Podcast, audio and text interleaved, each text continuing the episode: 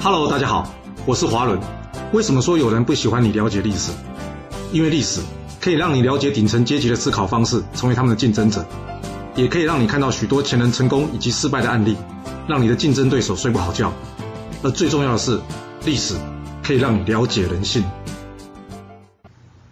我们刚刚在战国第三十八节故事中讲到，秦国派兵攻打这燕羽啊，而赵国这边呢，虽然大部分人都主张放弃救援啊。但这赵奢呢，却力排众议，提出了狭路相逢勇者胜的观念啊。简单来说，想要单挑，那就得看谁比较不怕死啦。虽然从战争的过程与结果来看呢，好像没有赵奢说的这么热血啊。不过这个比喻呢，却流传了下来。这件事啊，让我想到我小时候刚刚入学的时候的一件事啊。但这绝对是个不良的示范，小朋友千万千万千万不要模仿啊。不过呢，却可以从我的错误中学到教训。我记得刚入学的第一天呢。当时我们要打扫环境啊，那这隔壁班的小朋友为了偷懒求快啊，竟然将打扫完的这个乐事啊，直接倒在我们班级上的走廊上啊。而我班上的同学看不过去啊，直接跟对方吵了起来。而对方带头啊，是个个头不小的学生啊，看起来对方就是仗着人多、身材高大来欺负我同学啊。我呢，自以为很有正义感啊，站出来跟对方争论啊，没想到了这状况很快从争论发展成了争执啊，最后再从争执发展成了争斗啊。当对方聚集了十多位同学准备动手开打的时候啊，这时候我才发现，哎，啊，我们班上同学都非常有义气呢。他们不是站出来帮忙，而是紧闭教室门窗不让我进去呢。剩下来陪伴我的只有我手中那只扫把呢。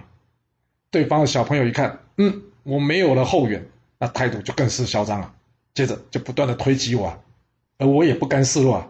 不过说句实话，当时我可能数学没学好。从来没有想过一个人要对付十几个人的胜率啊，所以呢，两方就大打出手了。好了，问题来了，这跟造车狭路相逢勇者胜有啥关系啊？是，换做是你，除了逃跑，哎，我也不知道当初为什么这个选项没有出现在我小脑袋瓜里啊。那若是要打，你能怎么做呢？来想想看，一、二、三，你不会真的去想了吧？我刚才不是说小朋友不要模仿了吗？是，打架这种事千万别动脑，当故事听听，汲取教训就可以了。当初我也不知道我哪来的想法，想说我就跟这带头的拼了，我只要打倒他，那我就够本了。事后才知道，这招叫做擒贼先擒王啊。接下来，这扫把、拳头等一大堆东西往我身上飞了过来，我也不管身上的疼痛啊，发疯似的拿着手中的扫把往对方带头的小朋友身上猛挥啊。我呢，一直打，打到对方缩在地上叫不敢了，我才回过头来，恶狠狠地看着其他的小朋友。那接下来你才会怎么发展呢？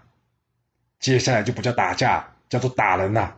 因为一群小朋友看到带头的倒地啊，其他人一哄而散，而我呢，只是一个一个追着打。那要打到什么时候才会停下来呢？那当然是打到老师来了。这老师来了之后呢，立刻做了一个很公正的决定，那就是把殴打其他小朋友的我呢，叫到走廊上去罚站。至于我想要跟他说明事情发生经过了，他一概不听。他回复我的答案只有一句话：我就只看到你打人，没看到其他人动手。哇，有没有那么离谱啊？我身上不是也一堆伤吗？而且我还流着血，难道是我自己去弄的吗？不过很抱歉，老师没空理我呢。就连我自己班上的小朋友也没有人站出来帮我作证呢。大家在看到老师的反应之后呢，没有人敢出声，以免自己被罚。而这一刻，让我学到了，你不怕死，那怕死就是对方了。哎，这是开玩笑的，千万别当真啊！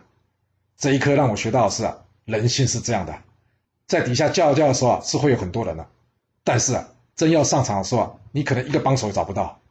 另外，眼见为凭啊，就是一般人判断事情的方法。还有，就是你被老师、老板责难的时候啊，千万别期待同学、同事会站出来帮你主持正义啊，更不要点名人家来帮忙啊。因为人会害怕权威是人性啊，这不是他们错啊，不是说他们没有义气啊。要知道，这可是很宝贵的一刻啊。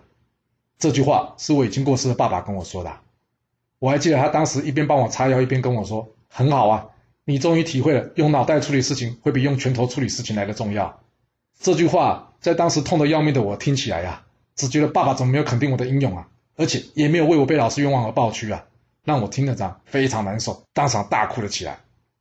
现在想想，我爸是对的，打架并不值得奖励啊，尤其是打赢了，因为啊，这奖励会加强我用拳头解决问题的诱因啊。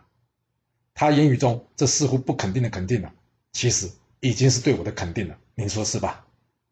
若您有其他想法，也欢迎留言分享您的看法给大家哦。好了，我们今天就先说到这。若是你想要知道完整版的故事内容，欢迎您可以到说明栏中找到我爱故事频道的连结。